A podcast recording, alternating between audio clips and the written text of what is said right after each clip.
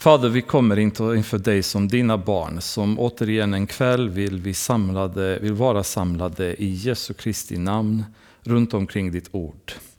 Vi ber Fader att du ska förbarma dig över oss och komma hit ikväll och umgås med oss, Herre. Tack Fader för att du har påmint oss i morse om hur mycket du älskar oss, hur mycket du gillar oss och hur mycket du vill vara med oss. Och det känns tröstande Fader att även om ibland på känslonivå så har vi inte alltid känt dig nära och vet att du finns där Herre. Vet att din kärlek är orubblig. Din lojalitet för oss är stor Herre. Jag tackar dig för att du ser på oss med glädje varje gång du ser oss. Tack för att vi kan bringa glädje till ditt hjärta. Jag ber om styrka, om välsignelse över ditt ord ikväll. Så det ska vara till förändring till våra liv. Det är vår ständiga bön och önskan och längtan att varje ord ska vara till förändring för våra liv. Jag ber att den här kvällen ska vara en underbar stund för Jesus att kunna trivas ibland oss. Tack Herre för att du vill vara med oss. Amen. Ikväll så hoppas jag att vi kommer kunna Eh, navigera genom både första Moseboken kapitel 21 och 22. Eh, utan att gå för långt då. Förra gången så lyckades jag med en prestation som jag tror inte jag lyckas med sen jag började bibelstudierna. Nämligen att landa på en timme. Det har varit min frus permanenta uppmaning till mig. Att, att jag ska helst landa på en timme, men det har varit svårt. Ikväll kan det vara ännu svårare med två ganska rika kapitel. Så eh, jag hoppas dock att Herren är med och att ni kanske orkar hänga med. Men vi, eh, vi går och börjar läsa direkt i kapitel 21. Herren såg till Sara så som han hade lovat, och Herren gjorde med Sara som han hade sagt. Sara blev havande och födde en son åt Abraham på hans ålderdom just vid den tid som Gud hade sagt honom. Och det är jätteintressant början på det kapitlet. Det står att Herren gjorde så som han hade lovat. Och det är eh, ett löfte som Gud ger är aldrig möjlig att rubba. Utan när Gud har lovat någonting så håller han det löftet. Och Abraham kom in i Kanaan för ungefär 25 år tidigare. Ehm, och i 25 år så fanns det en tanke, en längtan över att de skulle få ett barn. De hade ett initialt löfte från Gud att han skulle ge Kanaan till Abraham och till hans efterkommande. Sen blev misslyckandet med Ismael och kompromissen som ledde till att Ismael föddes. Ehm, och sen började en viss tvivel där hos Sara kring huruvida det är möjligt att få barn. Eh, hon är gammal, hon har ingen möjlighet att få barn längre. Och Gud har besökt dem och uppmuntrat dem igen med löftet att de kommer att få ett barn. Ehm, men detta har försiggått i 25 år. Och det har varit en tid, en prövotid för dem som par, alltså som Abraham och Sara. Eh, och samtidigt en prövning för deras tro. Ska de verkligen tro på att det ens är möjligt längre? Och vi vet att Sara till och med skrattade en gång när Gud och änglarna var på besök därför att hon kunde inte föreställa sig hur hon vid 90-årsåldern skulle kunna få barn. Men det inleds redan i kapitel 21 med att Herren såg till Sara så som han hade lovat. Och just för oss som kristna är alltid en svårighet att lita på Guds löften när vi tappar fokus från honom. För då blir hans löften teoretiska för oss. Det finns någonstans i bakhuvudet att Gud har sagt att han kommer förse oss med allt vi behöver. Han har sagt att inget Ingen kom, inget kommer hända oss som man inte har kontroll över. Han har sagt att ingen frestelse kommer vara för stor utan att ha förberett vägen ut för oss ur frestelsen. Eh, prövningarna som vi möter har han redan förberett en väg ut för oss. Det är hans löften för oss. Han har också lovat att han kommer aldrig lämna oss någon gång. Han har också lovat genom Jesus att ingen kommer rycka oss ur hans hand, Romarbrevet kapitel 8. Det är fullt med sådana löften för oss. Ehm, och min favorit, som jag nästan skulle behöva upprepa vid varje bibelstudium. Allting samverkar för det bästa för dem som älskar Herren. Det vill säga allting. Ingenting som vi möter i livet kan vända sig emot oss, utan allting vi möter i livet kommer Gud vända tillbaka till något positivt för oss. Och dessa är löften som Gud har gett oss, men vi så ofta glömmer bort. Och därför kommer det oro, det kommer depression, det kommer förtvivlan i våra kristna liv. För vi tappar fokus på Guds löften som är så mycket av i Bibeln. Alltså, Läser man i psalmerna så är det så mycket löften hela tiden. Evangelierna, det är bara löften överallt i evangeliet och allt detta för att Gud vill att vi ska vara medvetna om allting som vi får från honom så att vi inte hamnar i förtvivlan och i förvirring, i depression, i ledsamheter utan att vi ska lita på Guds löften. Och ibland så förstår vi varför saker händer.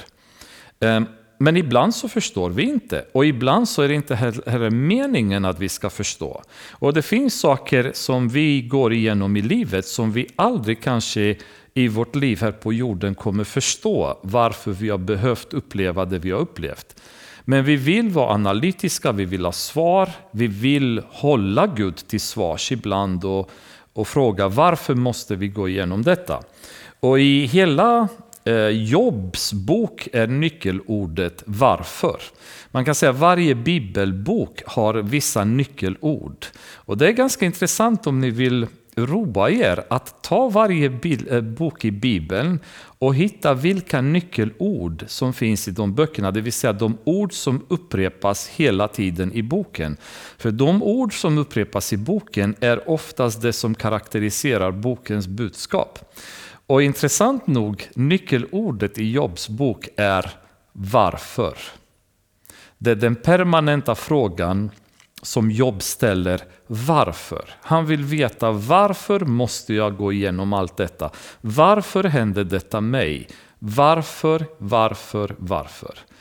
Och i slutändan så får han svar på varför. Och svaret är övermäktigt så att han, han kan knappt ta, ta till sig det svaret. Men ibland så får vi inte det svaret. Vi kan ställa samma fråga. Varför måste vi gå igenom detta? Varför händer detta oss? Varför kan inte jag ha samma lycka som någon annan? Varför, kan, varför är jag singel och inte kan hitta en man eller en kvinna? Varför eh, kan inte jag hitta ett bra jobb? Varför kan inte jag hitta det jobb som jag skulle vilja hitta? Varför kan inte jag vara så frisk som någon annan är? Varför måste jag gå omkring med den här sjukdomen som jag kanske bär på? Varför är min familj emot mig? Varför tycker inte mina kompisar om mig? Varför är jag utfryst? Varför? Alltså det finns de här frågorna i våra liv hela tiden. Och framförallt, varför hände inte grejer så fort som jag skulle vilja att de händer? Varför ber vi över väckelse i stöpen och ser ingenting hända? Varför vill vi göra gott men vi ändå gör något ont? Varför vill vi leva utan synd men vi faller i synd hela tiden? Och, och den här kampen till varför och varför tar saker så lång tid är någonting som är mänskligt och vi går igenom. Men i tron på Gud och i uppfattning av vem Gud är så finner vi ro i detta. För att i alla dessa varför och när och hur, bakom de här frågorna, där har vi Guds löften. Jag är med er, jag har kontroll, jag vill er väl, jag älskar er jättemycket. Eh, ingenting kommer röra er utan min tillåtelse. Ingen prövning kommer till er utan att jag förbereder tillräckligt med styrka, tillräckligt med utrustning så ni tar er igenom det.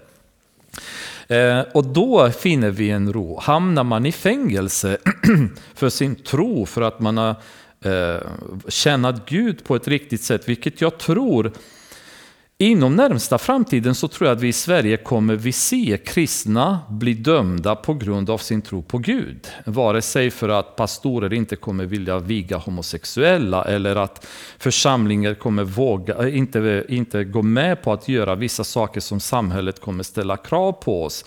Jag är helt övertygad om att vi kommer att komma dit. I vissa andra länder har redan börjat hända. Liksom I USA finns det kristna som åker i fängelset för att de demonstrerar mot aborter till exempel. Jag tror det är ganska nära till detta kommer drabba oss i Sverige. Men när vi hamnar där i fängelse, när vi kommer um, dömas för någonting som vi anser oss själva oskyldiga, då vet vi att det finns en plan bakom det. Och ni kommer ihåg när vi gick i Apostlagärningarna när Paulus och Silas var i fängelse, vad gjorde de där? Var de deprimerade och nedstämda och besvikna? Nej, de satt och sjöng i kättingarna och de predikade evangeliet till resten av, av, av fängelsefolket. Um, det var inte omständigheterna de brydde sig om, utan de visste att allting samverkar för det bästa för de som älskar Gud. Det finns en plan. Och under 25 år så har den här planen varit teoretisk, synlig för Abraham och Sara. Men nu börjar det att Herren eh, såg till Sara så som han hade lovat. Hans löfte uppfylldes exakt så som han hade lovat. Det dröjde ett tag. Under den här tiden så prövades deras tro väldigt många gånger. Men nu hade tron genom prövningar utvecklats hos Abraham och Sara. De hade mognat i sin vetskap och kunskap om Gud. Gud. Deras tro var stark. Och inte, inte bara det, men Sara var så gammal så det var helt omöjligt så att med mänsklig kraft kunna få ett barn. Det vill säga, nu kan bara Gud få äran. Äran kommer inte kunna delas med andra människor, utan han får äran för det miraklet som, som kommer inträffa. Nu är tiden rätt, nu är tiden inne. Och eh, att, att vänta på Herren, om ni tänker, så är det någonting som vi har väldigt svårt att göra, även om man skulle tycka att men vänta bör inte vara så svårt. Vi, vi bör kunna bara ha tålamod och låta Gud verka. Men vi vill göra saker. Vi vill att det ska hända någonting. Och I de situationerna så har väldigt många kristna tyvärr pajat för sig själva och församlingar som har gått in i köttet i viljan att det ska hända något. På samma sätt som Abraham och Sara gjorde när de försökte med Hagar och Ismael föddes. Man försökte i köttet att påskynda Gud, men Därefter så hade de lärt sig att ha tålamod. Inte gå i köttet längre, inte försöka att göra saker i egen kraft, utan ha tålamod. Och det är inte lätt att ha tålamod, när, speciellt om man är övertygad om att man har fått en vision från Gud, en kallelse från Gud. Då vill man se saker hända. Man vill inte bli kallad till att bli pastor i en församling med 15 personer och predika år efter år efter år och se fortfarande 15 personer framför sig och sen någon dör och så blir det 14 kvar och någon flyttar och så blir det 13 kvar och så, och så vidare. Man vill se väckelse, man vill se tillväxt. Men om man är på rätt plats och gör Guds vilja, då ska man förlita sig på att Gud kommer göra vad han vill när han vill. Det enda jag behöver bry mig om det är huruvida jag följer honom, jag är i hans vilja. Och då kan man, kan man finna ro i detta. Men vi finner frustration oftast. Vi vill se, vi vill gå och hjälpa Gud på vägen, vi vill komma med våra idéer, våra påhitt, vår mänskliga logik. Och det leder till haveri, för då blir det köttet och det är inte anden längre. Då blir det inget resultat. Då. Så de här 25 åren har varit en väntetid eh, för dem, så att de hade lärt sig att, att vänta på Herren. Men oavsett hur lång tid det tar, om vi har fått ett löfte så kommer Herren hålla det löftet för oss. Det kan vi vara 100% säkra på.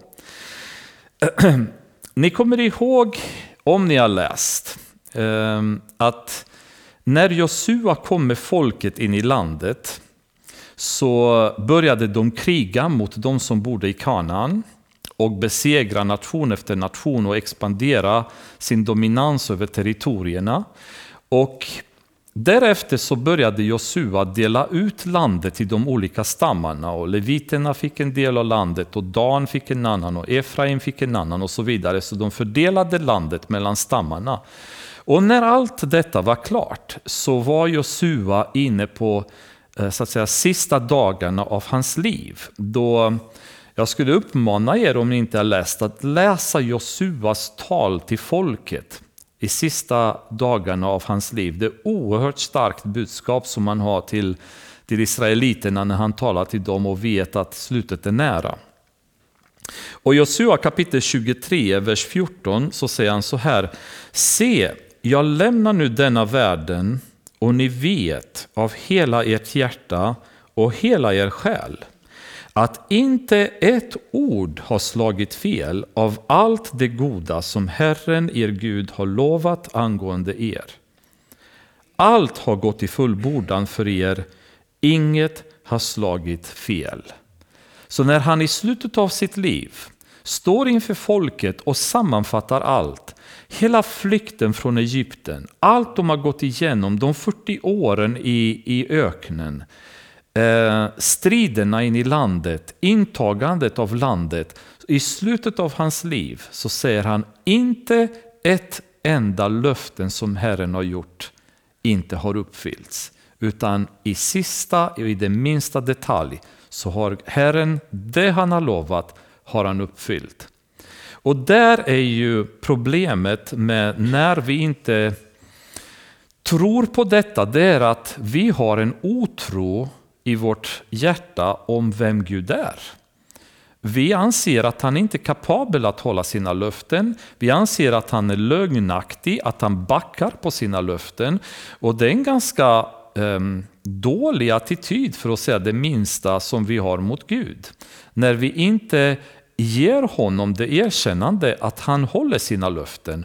Och om han håller sina löften, då måste vi tro på att han håller sina löften. Och om vi tror på att han håller sina löften, då måste vi bevisa genom vårt sätt att leva att vi tror på att Gud håller sina löften. Så i slutändan, vårt sätt att leva är en spegling på vår tro på Gud. Och vår tro på Gud är en spegling av vem Gud är. Och det sättet som vi tror på honom och lever vårt liv blir då till ett vittnesbörd för dem runt omkring oss. Det är därför Jesus säger människorna kommer se er kärlek och kommer prisa er fader.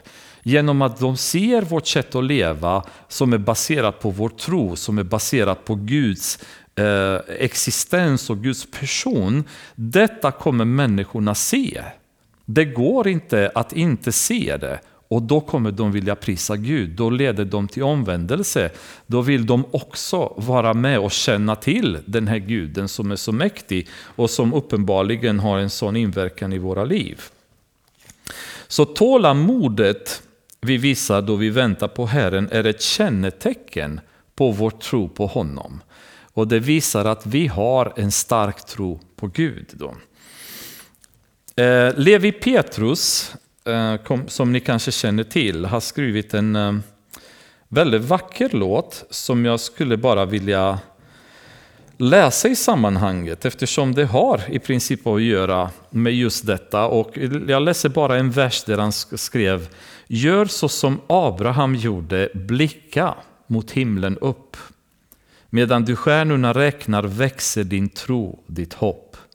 Himmel och jord må brinna, höjder och berg försvinna, men den som tror ska finna löftena, de står kvar. Oavsett vad som händer, himlarna må brinna, jorden förbrinna, men Guds löften, de står kvar. Och det tycker jag är så fantastisk inledning på det kapitlet som redan från början är bara nu har det hänt. Det som Gud har sagt till Abraham så många gånger, nu har det slått igenom, nu var det dags. Och Sara blev havande och födde en son åt Abraham på hans ålderdom just vid den tid som Gud hade sagt honom. Abraham gav namnet Isak åt sin son som han, som han fått, som Sara hade fött åt honom. Och Abraham omskar sin son Isak när han var åtta dagar gammal som Gud hade befallt honom. Så han ingick direkt förbundet genom omskärelse med Gud. Abraham var hundra år när hans son Isak föddes. Sara sade, Gud har fått mig att le. Alla som får höra det här kommer att le med mig. Och hon sade, vem hade kunnat säga Abraham att Sara skulle amma barn? Men nu har jag fött en son på hans ålderdom. Barnet växte och blev avvant. Och på dagen då Isak avvandes ordnade Abraham en stor fest.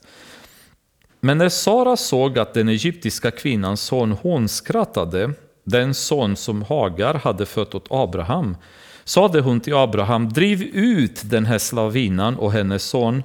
Den där slavinans son ska inte dela arvet med min son, med Isak. Abraham tog mycket illa vid sig eftersom det gällde hans son. Men Gud sade till Abraham, ta inte illa vid dig för pojkens och din slavinnas skull. Lyd Sara i allt hon säger till dig, för det är genom Isak som din avkomma ska räknas. Ni kommer ihåg att eh, eh när, när eh, vi, några veckor sedan så hade vi en situation då jag sa till er att det var andra gången när när en kvinna hade gett ett råd till sin man och det blev katastrof. Först hade vi Eva, sen hade vi Sara. Och nu blir det botgörelsen för detta, vilket innebär att vi män måste ändå vara noga med att ibland lyssna på våra kvinnor. Därför att denna gång så säger Gud till Abraham, lyssna, lyssna till Sara. Så denna gång var det viktigt att Abraham lyssnade till henne och det är en lite märklig situation faktiskt. Om vi tänker mänskligt på det. För Abraham, han älskar Ismael, det är ändå hans son. Och han har känslor för Sara kan man förstå att hon aldrig varit jätteförtjust i honom då. Men Abraham, han vill ha den här pojken, det är ju hans son, han är ett, ett barn som Gud också hade lovat välsignelse över då. Och nu vill Sara igen att han ska göra sig av med eh, både Hagar och Ismael. Så Abraham hamnar som alla män som kanske är involverade med för många kvinnor, hamnar lite grann mitt emellan och får problem där. Hur ska han hantera den här situationen? Ska han göra sig av med sin son? Det vill han förmodligen inte. Men då har han bekymmer med Sara som inte är speciellt lycklig. Och då går Gud emellan och säger något faktiskt fantastiskt och säger den här gången får du lyssna på din fru Sara. Gör dig av med slavinan och hennes son. Mycket intressant. Varför är Gud så grym? Kan man tycka. För vi ser vad som kommer sen, det blir ingen rolig situation som de hamnar i. Varför säger Gud att Abraham ska göra sig av med slavinan? Varför måste hon bort? Man kan väl säga att i Bibeln så finns det väldigt många allegorier, det vill säga liknelser, eh, speciellt i Gamla Testamentet, som finns för att vi ska förstå Nya Testamentet på ett bättre sätt. Ehm, en av mina favoritbibellärare brukar säga att Gamla Testamentet är Nya Testamentet dolt och Nya Testamentet är Gamla Testamentet uppenbar. Och det är ju exakt det det är. Alltså, det finns ingen konflikt mellan Gamla Testamentet och Nya Testamentet som många kristna tror att det är. Man pratar om Gamla Testamentets Gud och Nya Testamentets Gud. Det är ju fullständigt um, befängt att ens ha en sån teori. Gud är densamme i Gamla Testamentet, i Nya Testamentet. Det är bara att vi förstår dem på olika sätt. Därför att Gamla Testamentet är Nya Testamentet i det fördolda, medan Nya Testamentet uppenbarar för oss det som Gud har gjort och sagt i Gamla Testamentet. Och här har vi en väldigt intressant sådan situation. För att förstå det så kan vi gå till Galaterbrevet kapitel 4. Det Paulus har en fantastisk, alltså Paulus har en enorm förmåga att ha en, eh, en sådana resonemang och man förstår varför. Därför att han var en farisee, väldigt påläst i Gamla Testamentet. Och när han mötte Jesus och förstod eh, evangeliet, då öppnade sig upp för honom allt som Gamla Testamentet handlade om och då såg han den här röda tråden som Jesus betyder genom hela Bibeln på ett sätt som kanske få andra hade lyckats att se. Och i Galaterbrevet kapitel 4, vers 22 så börjar han resonera, och ni vet kanske som har läst Galaterbrevet att de hade problem med lagen versus nåden. De hade blivit väldigt legalistiska och gick tillbaka och ville omskära sig, ville hålla Mose lag. Och detta är Paulus väldigt eh, eh, besviken över och går till dem och försökte att argumentera att det var helt befängt att gå tillbaka till lagen när de hade fått frälsning i Jesus.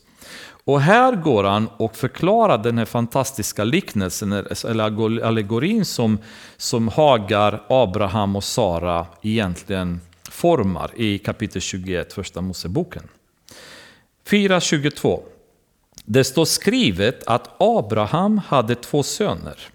En med, slav, med, slav, med slavinan och en med den fria hustrun.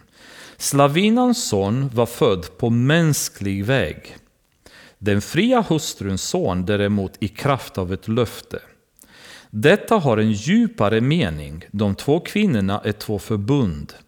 Det ena kommer från berget Sinai och föder sina barn till slaveri. Det är Hagar. Ordet Hagar står för Sinai berg i Arabien och motsvarar det nuvarande Jerusalem eftersom det lever i slaveri med sina barn. Men det himmelska Jerusalem är fritt och det är vår moder. Det står ju skrivet, jubla du ofruktsamma som inte föder barn, brist ut i jubel och ropa av fröjd du som inte känner födslovärkar, för den ensamma har många barn, fler än den som har en man. Ni bröder är löftets barn liksom Isak. Och som det var då att han som var född på mänsklig väg förföljde den som var född på andens sätt, så är det också nu. Men vad säger skriften? Driv ut slavinan och hennes son, för slavinans son ska inte ärva tillsammans med den fria hustruns son. Alltså bröder, är vi inte barn till slavinan utan till den fria hustrun. Väldigt intressant.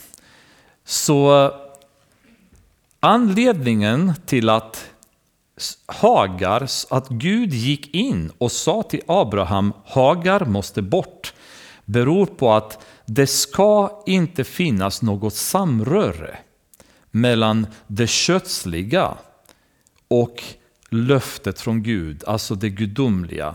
När, när nåden kommer in då, då försvinner lagen. Lagens betydelse är inte det längre, utan nåden kommer in, frälsningen genom tron kommer in. Och samröret mellan den legalism som fanns innan och nåden, den kan inte existera. Man kan inte vara både och. Utan när löftets barn har kommit, det är ju det barnet som tar över. Det är det fokus ligger på. Det är inte det som var innan. Det är inte det mänskliga, det kötsliga, våra egna försök att nå Gud på egen hand. Utan det är löftet som gäller. Och det är ju nåden. Och det är väldigt intressant då för Abraham, han tänker känslomässigt. Jag tycker om Ismael, jag vill inte bli av med honom. Men Gud ser det här i ett mycket större perspektiv. För det vi går in i kapitel 21 och 22, det är allegorier. Det är saker som händer som är profetiska i sin varje händelse gentemot det som kommer hända i Nya Testamentet sen framöver. Av den anledningen så säger Gud, Hagar måste bort. Det ska inte finnas något samröre nu mellan köttets gärningar och andens gärningar, utan det är andens gärningar som gäller från och med nu. Men även slavinans son, säger Gud, ska jag göra till ett folk eftersom han är din avkomling. Tidigt nästa morgon tog Abraham bröd och en lädersäck med vatten och gav det till Hagar. Han lade det på hennes axlar och lät henne gå tillsammans med pojken. Hon gav sig iväg och irrade omkring i Beershebas öken. När vattnet i lädersäcken hade tagit slut övergav hon pojken under en buske och gick och satte sig en bit bort på ett bågskotts avstånd. Hon tänkte, jag orkar inte se på när pojken dör. Där satt hon en bit bort och grät högljutt. Nu var inte Ismael kanske en pojke som vi tänker att det var ett litet barn. För I söndagsskolan, om ni har tittat, så var det ofta sett teckningar med Haga som går omkring med en lit, ett litet barn. Men Ismael vid det här laget är någonstans från 15-16 år gammal då, så han är ju en nästintill vuxen människa med våra mått mätt då. Men ändå så så, så var han så tagen av den här resan och Hagar känner att jag klarar inte ens att se honom dö, så hon bara hon går ifrån.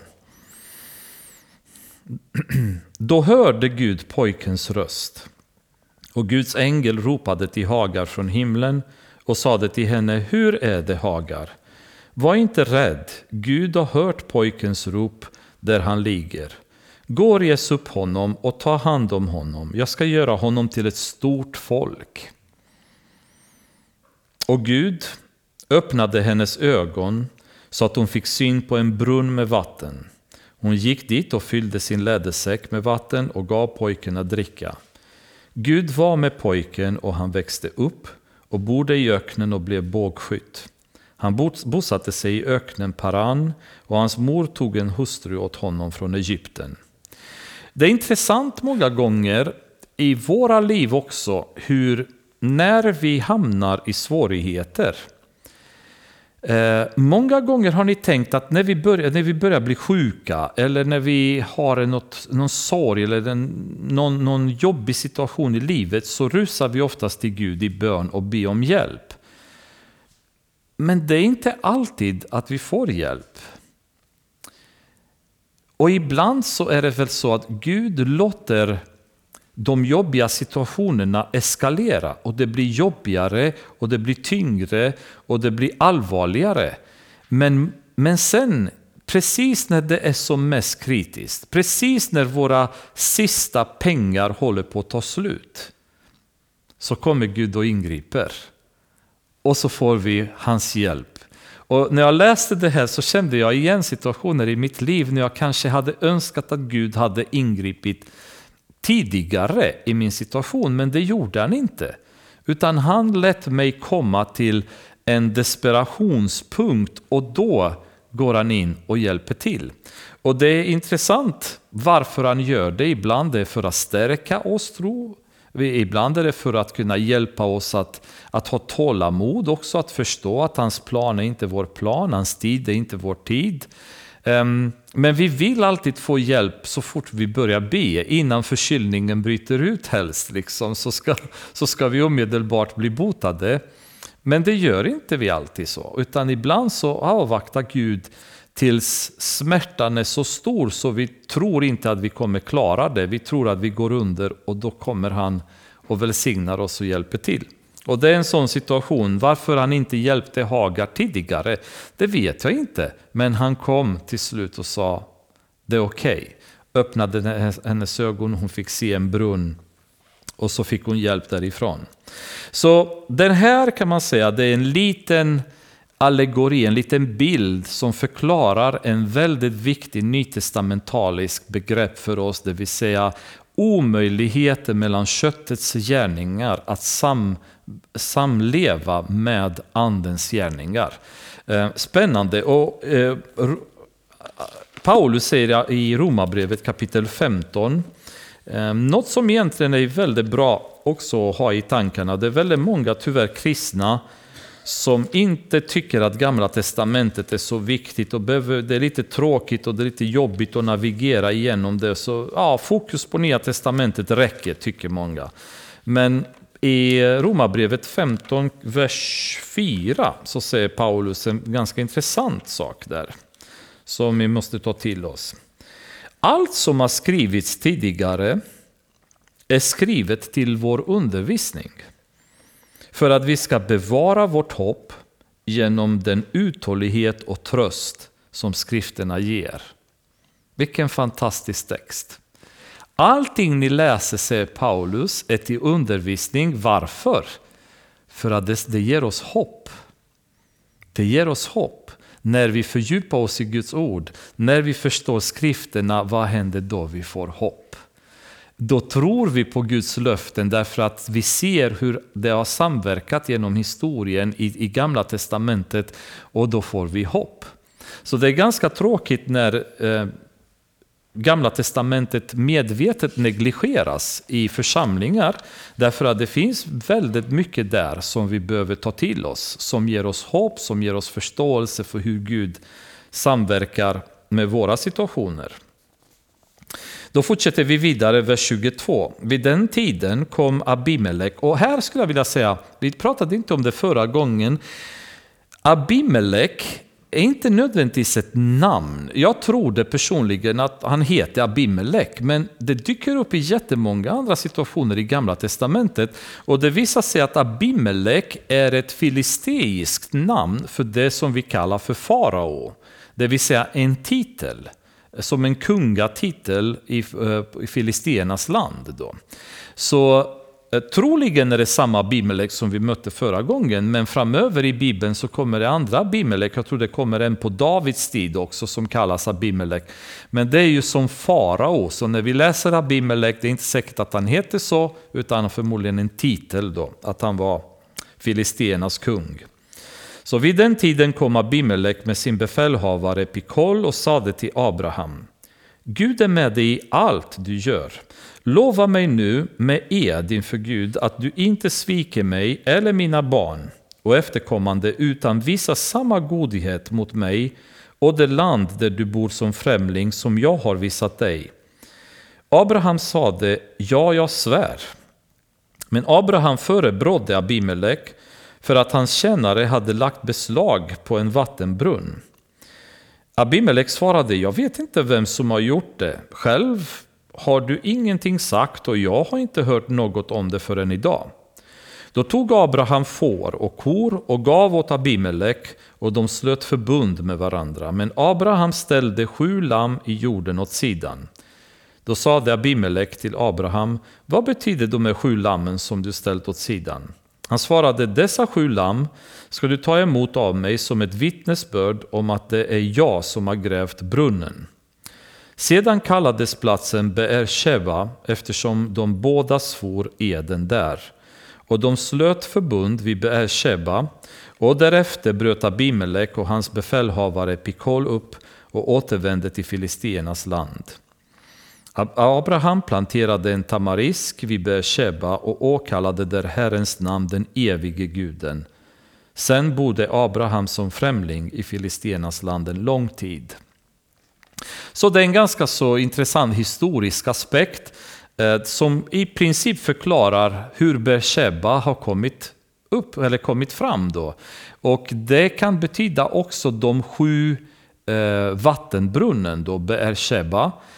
Och så det tyder på att det inte bara var en brunn utan förmodligen att det fanns sju brunnar då som Abraham hade själv grävt där. Och i den kulturen, i den, på den tiden, brunnen var källan till framgång. Alltså det var ökenklimat, man var tvungen att ha vatten, så det var väldigt viktigt att den som hade brunnen, då, det var den som kontrollerade landområdet runt omkring. Och så blev en tvist kring brunnarna och de slutade en, eh, en pakt med varandra och eh, slutade som vänner.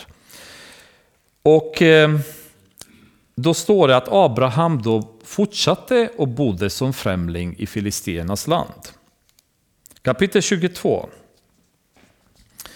En tid därefter satte Gud Abraham på prov. Han sade till honom Abraham. Han svarade ja, här är jag. Då sade han, ta din son Isak, din enda son som du älskar, och gå till Morialand och offra honom där som brännoffer på ett berg som jag ska visa dig. Alltså, ibland så finner man sin bekväma tillvaro i relationen med Gud. Man kommer in i sina rutiner. Man har sina morgonandakter hemma, man går omkring med lite hörlurar, lyssnar på lite lovsång eller lyssnar på ett bibelstudium. Sitter och läser lite, kommer till kyrkan, vi är med på någon aktivitet. Och så fortsätter vi den här tillvaron och vi tycker att vi har det ganska bra. Vi har hittat en, en behaglig tillvaro. Vi, vi har ett ordnat liv med Gud. Men plötsligt så kommer någonting som kommer som ett slag som är helt oförväntat i våra liv, som vänder fullständigt upp och ner på den lycka och glädje som vi trodde att vi hade hittat. Och i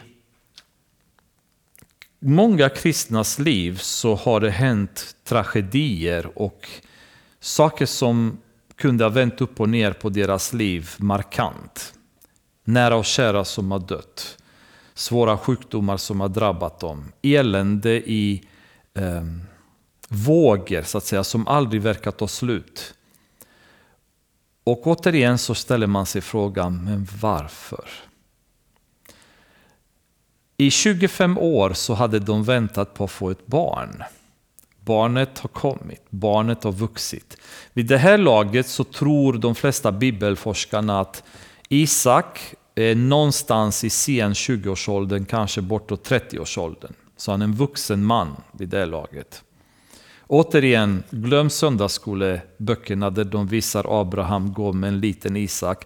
Han är en vuxen man vid det laget. Många år har gått. Abraham lever sin tillvaro, livet går på räls.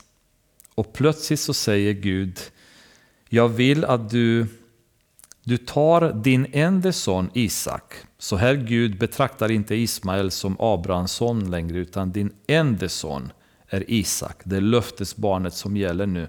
Det andra är borta. Det finns ingen mer koppling med den delen av ditt liv. Din enda son, dessutom Första gången i Bibeln så dyker upp ett ord som vi inte har mött tidigare. Älskar. Det här ordet har aldrig nämnts i Bibeln tills nu. Första gången som ordet älskar kommer fram. Och man brukar säga att det finns regeln av första gångens användning. Det vill säga när ett ord används för första gången i Bibeln, då ska man titta noga på varför valde man att använda ordet just nu. För inget ord är lagt i Bibeln utan att Gud har en mening med det. Det är inte så att någon har bara poetiskt slängt ut några ord och vi vet inte riktigt varför. Varför används ordet älska nu för första gången? Det är en väldigt tuff situation och det är svårt att föreställa sig hur Abraham måste ha känt när han fick det här från Gud. Som säger, jag vill att du tar med din enda son Isak som du älskar och offrar honom för mig i Morialand. Tufft. Men vid det här laget så hade Abraham utvecklat en tro på Gud som var helt fantastisk. Därför att Abraham nu visste vid det laget att det enda jag ska göra det är att lyda Gud. Ingenting annat är, är accepterat. Inget annat finns som alternativ än bara hundraprocentig lydnad. Och det här budet som Gud gav Abraham var oerhört smärtsamt säkert för honom. Men vad gör han tidigt nästa morgon, det vill säga tidigt? Så fort han bara kunde nästa morgon sadlade Abraham sin åsna och tog med, med två av sina tjänare och sin son Isak. Sedan han huggit ved till brännoffer gav han sig iväg mot platsen dit Gud hade sagt åt honom att gå. Han agerar omedelbart på Guds befallning som var en oerhört svår befallning att lyda. Och när man läser det här så får man så fruktansvärt dåligt samvete när man tänker på så mycket lättare befallningar som man själv har fått från Gud genom åren och som man inte velat lyda. och kämpat emot eller dratt på tiden eller undvikit eller låtsats att man inte hört Guds röst och fortsatt vidare på samma sätt. Och det är ju den inställningen som visar att vår tro har inte kommit till det mogna stadium som Abrahams tro hade kommit.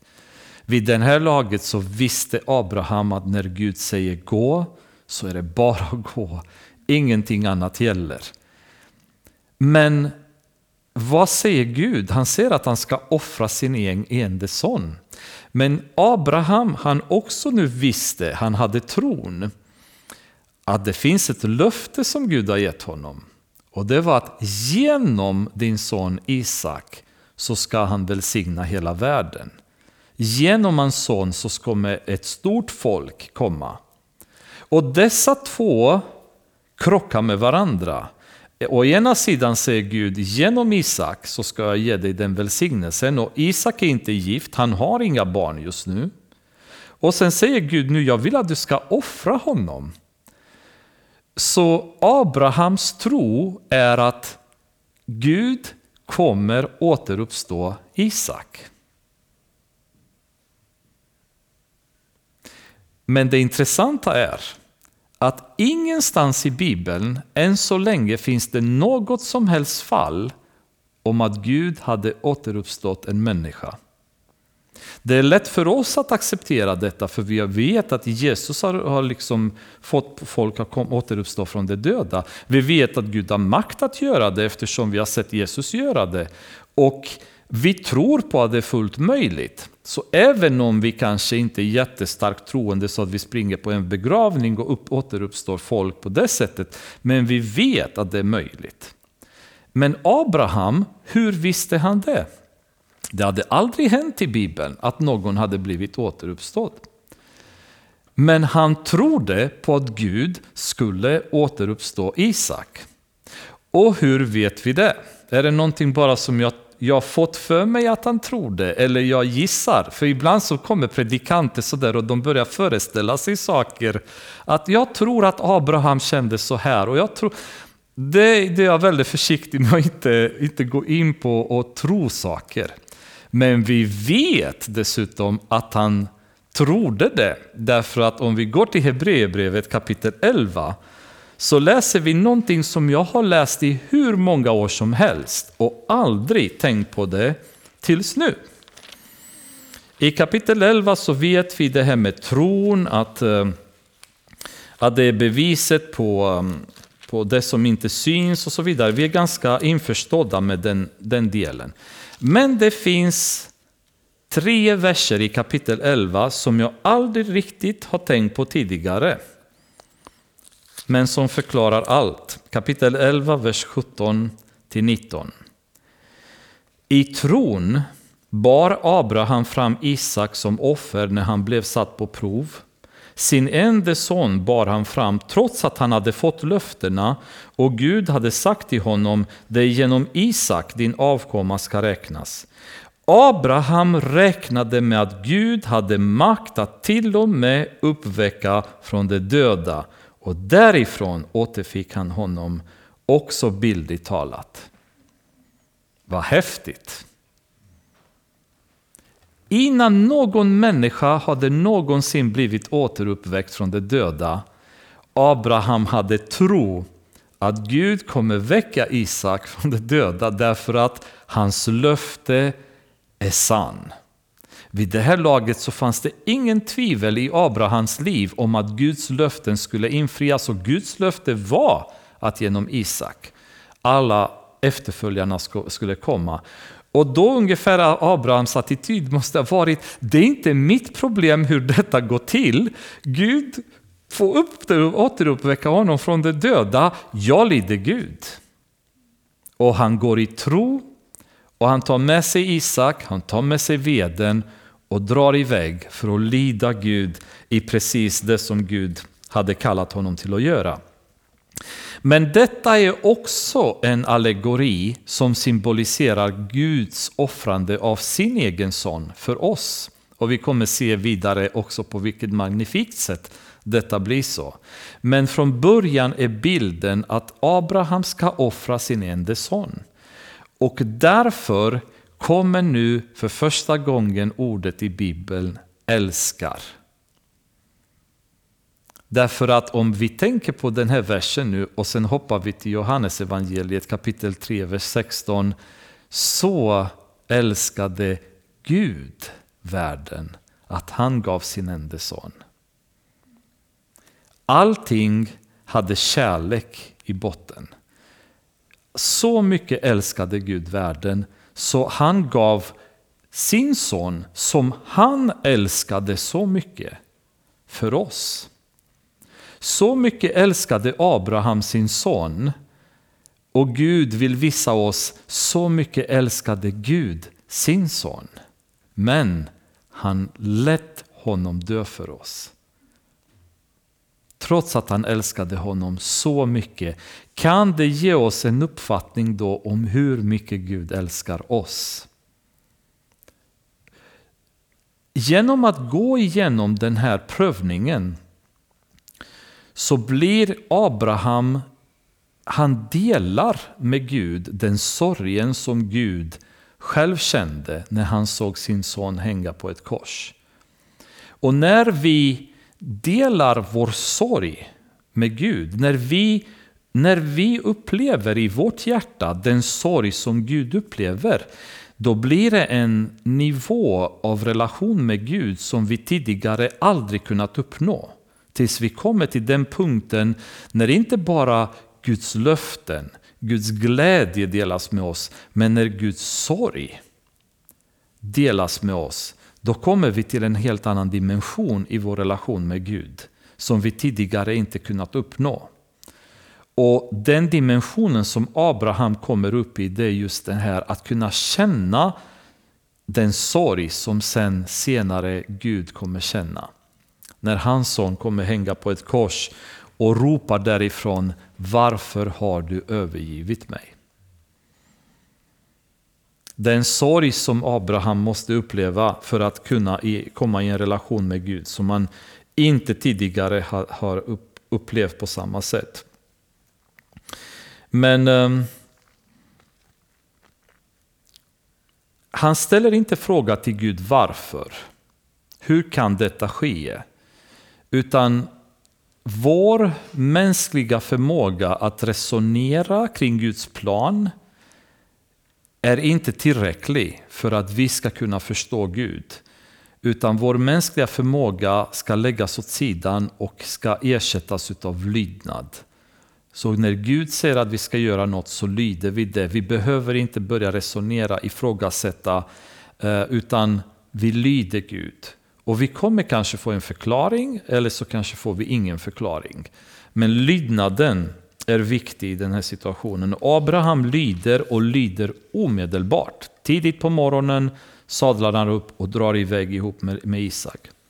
På tredje dagen lyfte Abraham blicken och fick se platsen på avstånd. Så i tre dagar har de gått. Och många bibelforskare liknar de tre dagarna med de tre dagarna då Jesus har varit död. Men de säger att redan i vers 2 så var Isak död. Och nu i tre dagar är han död. Jag vet inte om man kan dra liknelsen så pass mycket. Mycket möjligt att det är så, men jag vågar inte inte, för då kan man få lite kanske tolkningsproblem i andra sammanhang. Men det är en intressant tanke i alla fall att det har tagit tre dagar för dem tills de kom fram till berget. Han sa det då till sina tjänare, stanna här med åsnan, jag och pojken går dit bort för att tillbe. Och här är intressant. Sedan kommer jag tillbaka till er. Nej, sedan kommer vi tillbaka till er. Återigen, han var bergfast i sin tro att Gud kommer återuppväcka Isak från de döda. Och trots att hans hjärta måste ha varit brutet så hade tron på Gud övervunnit sorgen och lydnaden. Liksom. Och han säger till och med till tjänarna, ingen fara, vi kommer tillbaka. Um, och Isak däremot sade till sin far Abraham, Far, han svarade, jag är här min son. Han sade, vi har eld och ved, Men var är lammet till brännoffret? Abraham svarade, Gud kommer att utse åt sig lammet till brännoffret, min son. Så här var det som en profetisk tilltal från Abraham. Och jag är inte säker att han visste vad han sade men det är väldigt spännande att han profeterar till och med och säger Gud kommer utse lammet. Gud kommer ta hand om detta.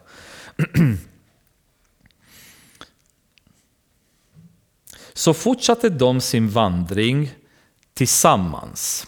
Och ordet tillsammans är lite intressant, för det betyder inte på hebreiska att de gick ihop, alltså de var tillsammans, utan ordet på hebreiska betyder i överenskommelse med varandra. Vilket ger ett lite annat djup till förståelse av det som hända skall. Då. Att de hade en överenskommelse med varandra i att fortsätta vidare. då. När de kom fram till den plats som Gud hade sagt till Abraham byggde han ett, ett altare där och gjorde i ordning veden. Sedan band han sin son Isak och lade honom på altaren, altaret ovanpå veden. Och Abraham räckte ut handen och tog kniven för att slakta sin son. Återigen, nu pratar vi om en Isak som var i sen 20-årsåldern, möjligtvis 30-årsåldern, som låter sig frivilligt bli bunden av sin far för att offras. Han kunde ha gjort motstånd. Han kunde ha sagt gubben är dement, jag sticker härifrån, liksom. han vill ta död på mig. Men han tillåter sig att vara frivilligt bunden. Återigen symboliken av Jesus som frivilligt var, var bunden, var misshandlad och hängdes på korset av sin egen vilja. Och tilläts av sin far att bli slaktad av människorna. Då. Och, och, och, Isak gör inget motstånd, utan han, han blir bunden, han blir lagt på altaret och Abraham tar fram kniven för att döda honom. Men då ropade Herrens ängel till honom från himlen, Abraham, Abraham. Många säger att man förstår varför kvinnor måste alltid ropa två gånger för sina män. Liksom det, så Gud för säkerhets skull ropade två gånger så att han inte, inte struntade och lyssnade på första ropet. Då. Han svarade, jag är här. Då sade han, lyft inte din hand mot pojken och gör inte något mot honom. Nu vet jag att du fruktar Gud när du inte ens har undanhållit mig din enda son. När man tittar på den väg som de har gått, det är ungefär cirka 80 kilometers vandring som de har gått i tre dagar. Varför säger Gud till Abraham att, att gå till just eh, berget Moria? Och Moria dessutom var ett, ett bergmassiv kan man väl säga. I, I det massivet så fanns det olika berg. Varför just berget som jag ska tala om för dig att du ska offra Isak på? Varför inte gå på baksidan av huset? Varför inte ha första berget eller närmast möjligt? Varför hela den här långa vandringen ehm, för att kunna offra honom på just detta specifika berg? Tittar man på mm, eh, det som fanns i närheten av berget Moria, då var det på den tiden den staden som heter Salem. Som ni tidigare kommer ihåg att prästen Melkisedek var kung i Salem. Och Salem blir staden mycket senare i historien som heter Jerusalem. Och i Jerusalem kommer ni ihåg när Salomo byggde templet. Vilket berg byggde han templet på? Moria.